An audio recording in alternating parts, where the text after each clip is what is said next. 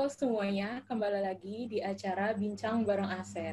Sebelumnya, perkenalkan nama aku Beatrix. Dan sekarang nih kita kita pada episode kali ini akan membahas mengenai bisnis-bisnis dari mahasiswa Prodi Kewirausahaan Universitas Pendidikan Indonesia.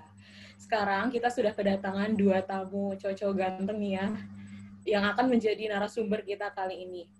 Langsung saja kita sambut mereka ada Muhammad Lutfi Nur Alam dan Ferry Ardiansyah. Halo Ferry, Lutfi. Halo Mbak. Okay. Halo. Gimana kabarnya? Baik ya? Alhamdulillah baik. Alhamdulillah baik. Alhamdulillah baik. Oke, kita langsung masuk aja ke sesi kita kali ini.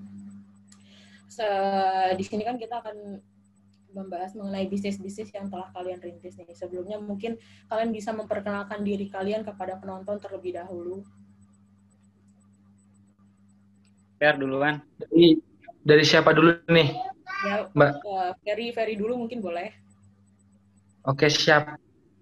Perkenalkan, nama saya Ferry Ardiansyah dari kelas 2 AKWU asal Kalongan, Jawa Tengah. Lutfi. Oke, Assalamualaikum warahmatullahi wabarakatuh. Perkenalkan, nama saya Muhammad Lutfi Nur Alam, NIM 1907839, kelas 2A Kewirausahaan, asal dari Garut. Oke, Fer, oke, tadi sudah perkenalan Ferry dari Jawa Tengah dan Lutfi dari Garut. Di sini nih uh, bisnis yang sedang teman-teman jalani ini lagi bergerak di bidang apa sih? Jadi kalau saya sendiri di bidang peternakan. Peternakan, wow. Hewan ya berarti ya? Ya, saya juga betul sama. hewan. Berarti kalian berdua nih di dua-duanya di bidang peternakan. Dan uh, nama bisnisnya apa nih kalau boleh tahu? Kalau saya nama bisnis bisnisnya Raihan Farmhouse namanya. Iya. Kalau Lutfi? Kumis lele. Oke, kumis lele. Uh, kalian ini kan uh, bisnisnya dua-duanya bergerak dalam bidang uh, peternakan. Peternakan identikan dengan hewan. Dan uh, peternakan itu kan kegiatan mengembangbiakan hewan untuk mendapatkan manfaat dari pengembangbiakan tersebut Mungkin saya mau ke Lutfi dulu kali ya. Uh, Lutfi ini apa nih? Hewan-hewan uh, yang diternak nih apa? Lele. Lele, oke, okay, lele. Jenis lele apa sih yang dibudidaya? Lele dumbo. Lele dumbo, oke. Okay. Nah kan kalau dalam uh, lele uh, apa peternakan lele itu kan dibutuhkan kolam kan tentunya. Kalau Lutfi ini menggunakan jenis kolam apa? Kan kayak ada kolam tanah, semen atau kolam apa? Kolam kolam itu apa? Pakai semen. Oke semen ya. Ya. Dan nah dalam mengembangkan lele kan pasti dibutuhkan uh, protein dalam lelenya untuk bisa berkembang biak dengan baik. Makanan apa sih yang digunakan Lutfi? Ya pelet. Oh, pelet oh pel pelet aja? Iya, paling telur kayak apa sayuran telur telur telur mentah atau mateng? Bisa dua-duanya juga. Oh langsung dia ini dimasukin aja gitu ya ke kolamnya? Iya. Oke. Oke mungkin sekarang kita ke Ferry ya. Ferry kan uh, Ferry ini apa tadi ada Rehan Farming House. Rehan Farming House itu apa nih? Iya. Uh, hewan apa yang diternak? Hewan kelinci. Kelinci, kelinci. Iya. Jenis kelinci apa sih yang digunakan ferry, yang diternak ferry?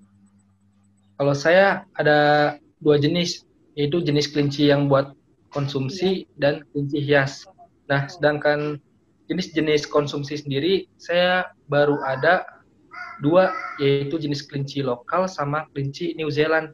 Sedangkan jenis kelinci hias saya baru memiliki satu jenis rek. Jenis apa? Rek namanya. R E K. Jenisnya, jenisnya kayak apa? Misal warnanya, bentuknya kayak oh, gimana? Jadi kalau kalau jenis kelinci hias ini kita memiliki bentuk yang unik itu, bentuknya lucu. Bentuknya lucu, kecil dan warnanya belang-belang. Itu kalau kelinci hias. Kalau jenis rek. Nah, sedangkan kelinci hias ada ada jenis yang lain seperti kucing. Ada juga kayak kucing anggora gitu. Yang banyak bulunya juga ada. Nah, iya betul. Sedangkan kelinci konsumsi biasanya dia cuma mem, memiliki satu warna. Kalau warna putih, putih aja, hitam, hitam aja, atau abu-abu, abu-abu aja, atau coklat, coklat aja. Namun, kelinci konsumsi pun juga bisa memiliki warna-warni, asal dia dikawinkan secara silang, yaitu antara kelinci konsumsi dan kelinci hias, antara kelinci lokal dan juga kelinci rek, begitu. Ya. Yeah. Nah, kalau kelinci ini tuh uh, Ferry menggunakan pangan apa yang biasa digunakan? Kalau untuk makan, saya menggunakan tiga varian. Yang pertama ada rumput, rumput segar. Rumput. Iya. Yang kedua, yang kedua ada empas tahu. Empas tahu yang yang terbuat dari tahu empasnya. Iya. Nah, sedangkan yang iya. ketiga ada pelet. Pelet khusus kelinci. Oh, ada peletnya juga ya? Ada, ada peletnya. Kalau wortel gitu enggak? Kayak kan biasa kan orang ngasih kayak wortel atau sayur-sayuran nah, iya. gitu. Kalau untuk sayur-sayuran saya jarang sih hanya tertentu aja gitu. Soalnya emang kebanyakan kalau kelinci di peternakan jarang menggunakan sayur. Paling menggunakan rumput gitu, pelet seringnya gitu. Okay. Tapi kalau makan kalau dikasih makan wortel, sayuran yang lain juga suka dia dimakan juga gitu. Oke, okay, oke. Okay. Oke. Okay. Nah, untuk Ferry dan Lutfi nih, ada nggak sih kendala kalian dalam mengembangbiakan ternak lele dan kelinci? Siapa dulu? Uh, Lutfi dulu boleh. Mungkin kalau lele banyak ya, soalnya saya juga masih dalam belajar gitu ke paman gitu dari cara mengembang biakannya gitu sulit gitu bagaimana memisahkan induk betinanya jantannya kayak gitu paling itu untuk kolamnya juga harus beda lagi kalau mau mengembang biakan gitu eh, kalau lele itu biasa umur berapa sih maksudnya tanda-tanda oh ini tuh udah cocok untuk diperjualbelikan gitu tiga bulan. Tiga oh tiga bulan. Kalau ya. kalau Ferry ada nggak kendalanya nih dalam ternak kelinci? Kalau saya tentunya ada kendalanya. Yang pertama itu mungkin karena kendala faktor cuaca. Nah, kelinci ini sangat rentan dengan faktor cuaca. Nah, contoh nih kalau musim hujan begini, dia rawan terkena penyakit kalau musim hujan. Nah, terus juga kalau kita nggak rajin membersihkan kandang, dia juga terkena penyakit kulit kayak seperti gatal-gatal begitu. Itu mungkin untuk kendalanya dan juga kalau untuk kematian sih saat ini saya belum pernah mengalami kalau yang untuk indukan, tapi kalau udah dia udah melahirkan atau udah memiliki anak yang masih kecil-kecil itu rawan mati seiring dengan faktor usia indukannya itu. Contoh misal gini, kelinci kan biasa dikawinkan atau biasa dia udah cukup masa kawinnya di umur 6 bulan. Nah, ketika di usia 6 bulan ini, kelinci akan melahirkan nih. Biasanya kalau kelinci pertama yang melahirkan, dia anaknya rentan mati karena susu yang dihasilkan oleh indukan kadang suka tidak keluar gitu. Jadi mungkin itu kendalanya. Oke kalau misalnya susunya nggak keluar gitu, ada nggak sih solusinya terhadap hal tersebut? Atau menggunakan susu mungkin? Nah susu ada. Apa? Kalau jadi kalau untuk itu solusinya kalau saya yang saya pakai saya pindahkan ke indukan yang lain yang juga sama-sama memiliki anak. Nah, jadi dalam teknik ini kita memindahkan anak yang tadi yang indukan yang baru melahirkan satu kali di usia enam bulan kita pindahkan ke indukan yang lain yang udah sering beranak itu, udah dua kali atau tiga kali beranak. Jadi mungkin susunya dia pakai punya indukan lain gitu. Oke gitu ya. Uh, Ferry Lutfi mungkin uh, bisa ditunjukin gak sih hewannya gitu? Kan kalau ada Ferry ada nih, ada kelinci di belakang. Boleh nggak ditunjukin gitu? Itu itu jenis jenis kelinci apa? Hias atau yang pedagang? Kalau ini pedagang.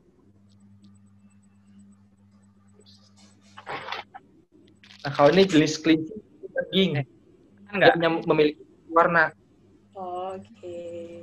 Itu itu itu lelenya Lutfi ya, lele Dumbo ya? Ya. Oke. Okay. Nah, sejak kapan sih uh, kap, sejak kapan berdirinya bisnis kalian ini dari Lutfi dulu? Kalau saya 11 September tahun 2020 gitu, pas kuliah online. Oh, sama pandemi ya berarti ya.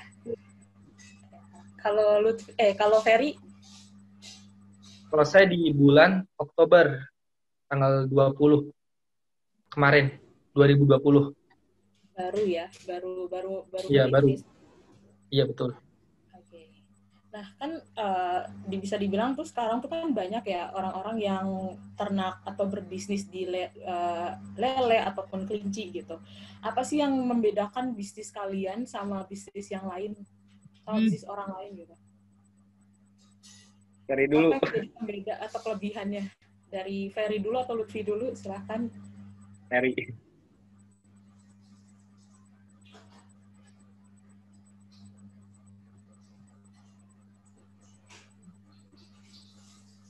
Jadi kalau kelebihan ya, jadi kalau untuk kelebihan dari, dari bisnis saya ini, memiliki kelebihan yang pertama, memiliki bibit yang unggul, sehingga dapat menghasilkan kelinci yang berkualitas unggul dan dapat memenuhi kebutuhan akan permintaan pasar yang sangat tinggi. Yang kedua, pakan yang kita beri terdiri dari rumput segar dan pelet kelinci, sehingga nutrisi dari kedua pakan tersebut sangat baik demi kesehatan kelinci. Yang ketiga, rutin melakukan perawatan terhadap kebersihan kandang, sehingga kelinci tidak mudah terserang penyakit-penyakit gatal. Yang keempat ada apabila ada kelinci yang cacat, maka tidak kami jual, mainkan masuk ke pemotongan. Yang kelima, kita memiliki berbagai jenis kelinci, hias, dan pedaging, sehingga orang mudah mencari kelinci sesuai selera.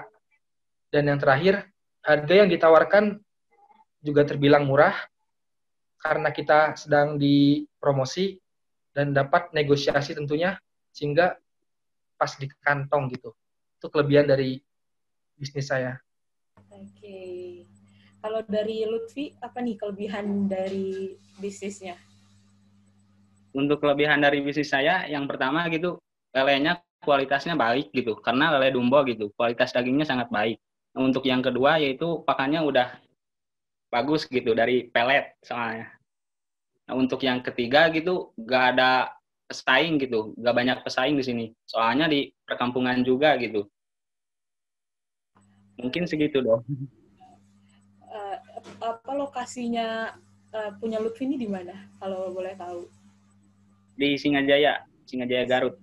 Singaja Singajaya Garut Jawa Barat ya. Kalau yeah. kalau Ferry lokasinya? Kalau saya lokasinya di Kecamatan Moga Kabupaten Pemalang Jawa oh. Tengah. Oke, Jawa Tengah. Oke, baik. Uh, saat membangun bisnis ini tuh kalian uh, sendiri berkelompok bersama teman atau bisnis keluarga sih? Dari Ferry dulu.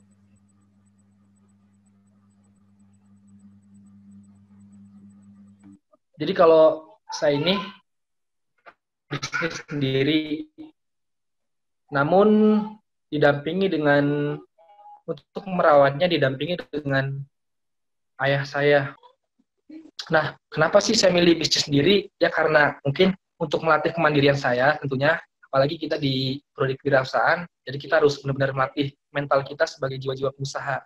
Yang kedua, di umur yang muda ini, kita bisa nih mewujudkan impian bisnis dari diri kita sendiri.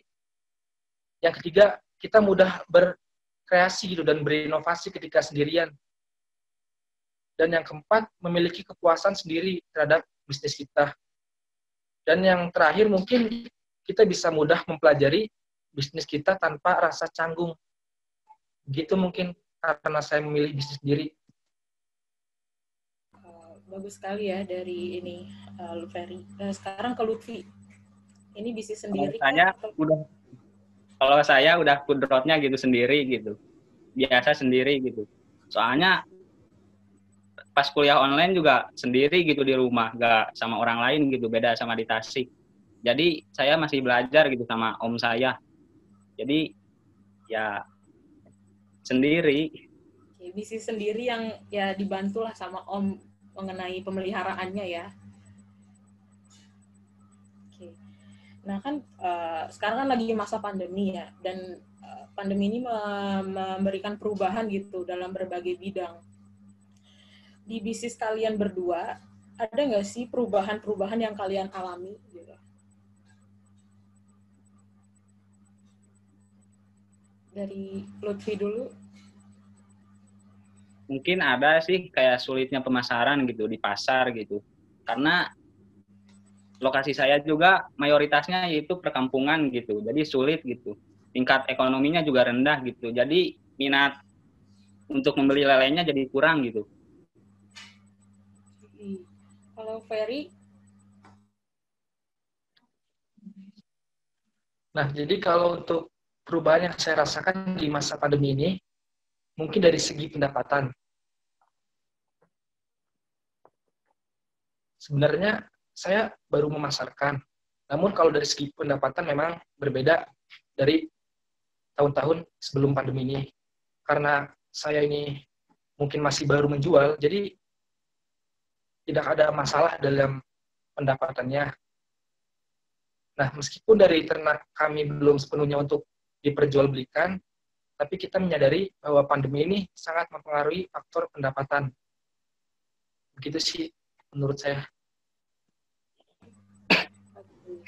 Uh, kalau uh, saya mau ke Lutfi kan tadi dibilang bahwa uh, sulit ya dalam promosi gitu. Ada nggak sih kiat-kiat promosi yang Lutfi lakukan di bisnis Lutfi ini?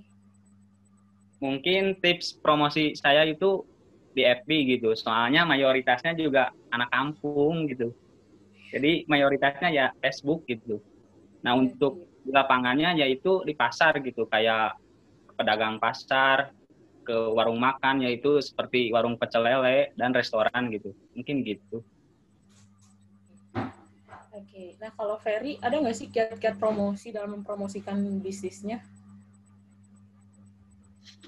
Jadi kalau saya untuk promosi ini, saya menggunakan media sosial.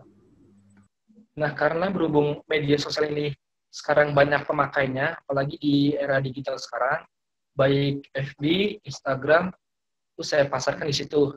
Karena untuk mempermudah jangkauan kami ke tiap-tiap daerah mungkin promosi dengan media sosial tuh kalau kelinci.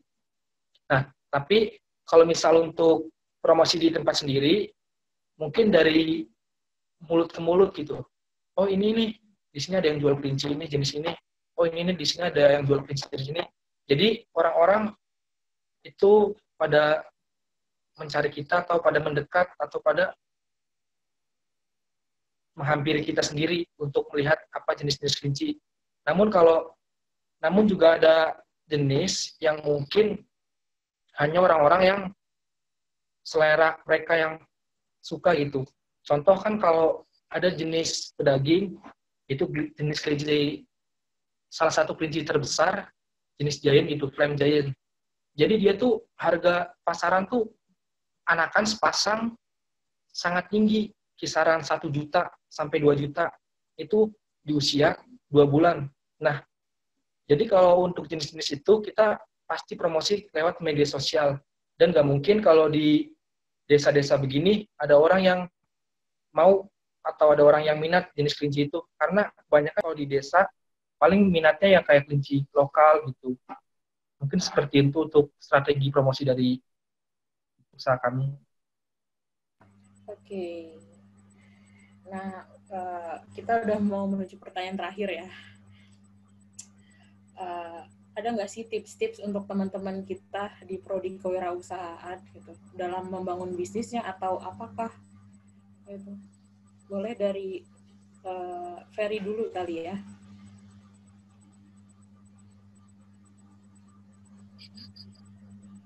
Oke nih, kalau dari saya nih ada tips untuk teman-teman KWU tentunya.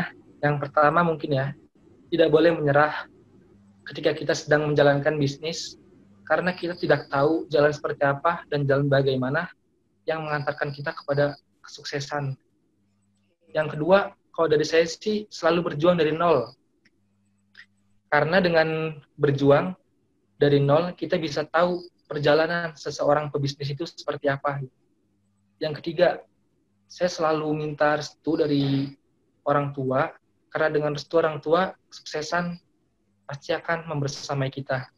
Yang keempat, pasti tidak lupa syukur ya karena seberapa besar keuntungan yang kita miliki saat kita menjalankan usaha atau saat kita menjalankan bisnis akan merasa kurang ketika kita tidak bersyukur. Yang terakhir mungkin dari saya memperbanyak ibadah ya dan mendekatkan diri kepada Sang Pencipta agar segala hajat atau keinginan kita bisa tercapai. Mungkin itu sih tips dari saya untuk teman-teman KWU. Oh, bagus banget ya tips-tips. Jadi ada usaha, ada syukur, ada restu dari orang tua, dan jangan lupa tetap uh, mengingat sama yang di atas gitu. Terus sekarang Lutfi nih, ada nggak sih tips-tips buat teman-teman kewirausahaan? Kalau saya ada tiga. Oke. Okay. Yang pertama pantang eh, yang pertama pantang menyerah, yang kedua berdoa yaitu minta restu dari dua kedua orang tua, yang ketiga yaitu selalu berusaha sesuai dengan hadis menjada wajada siapa yang bersungguh-sungguh pasti dia akan berhasil. Kasih. Bagus-bagus banget ya uh, ada itu tips-tips dari Ferry dan Lutfi. Nah, kita udah mau di penghujung acara. Sebelum itu mungkin boleh Lutfi sama uh, Ferry mempromosikan bisnisnya nih ke teman-teman semua sosial hmm. medianya atau gimana nya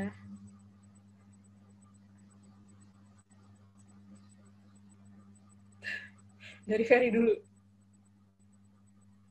oke okay. nih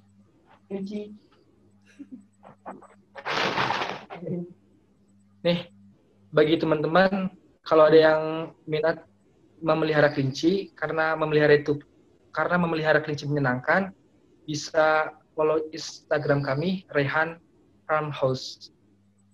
Oke. Lokasinya di oh, ya, lokasinya di Pemalang, Jawa Tengah. Oke. Nah, teman-teman yang mau beli kelinci atau melihara kelinci bisa ke Instagramnya ya di Rehan Farmhouse dan lokasinya ada di Pemalang, Jawa Tengah. Nah sekarang Lutfi nih, untuk mempromosikan uh, bisnisnya bisnis kumis lele. Nah, bagi teman-teman yang ingin lele yang berkualitas yaitu lele Dumbo milik Kumis Lele, jangan lupa mampiri Instagram Kumis Lele dari Singajaya Garut. Terima kasih. Oke. Oke, okay, kita sudah sampai penghujung acara ya. Uh, terima kasih teman-teman yang udah menyempatkan waktunya dalam acara kali ini. Dan mungkin cukup sampai di sini. Uh, selamat malam, selamat beristirahat, sampai jumpa lagi.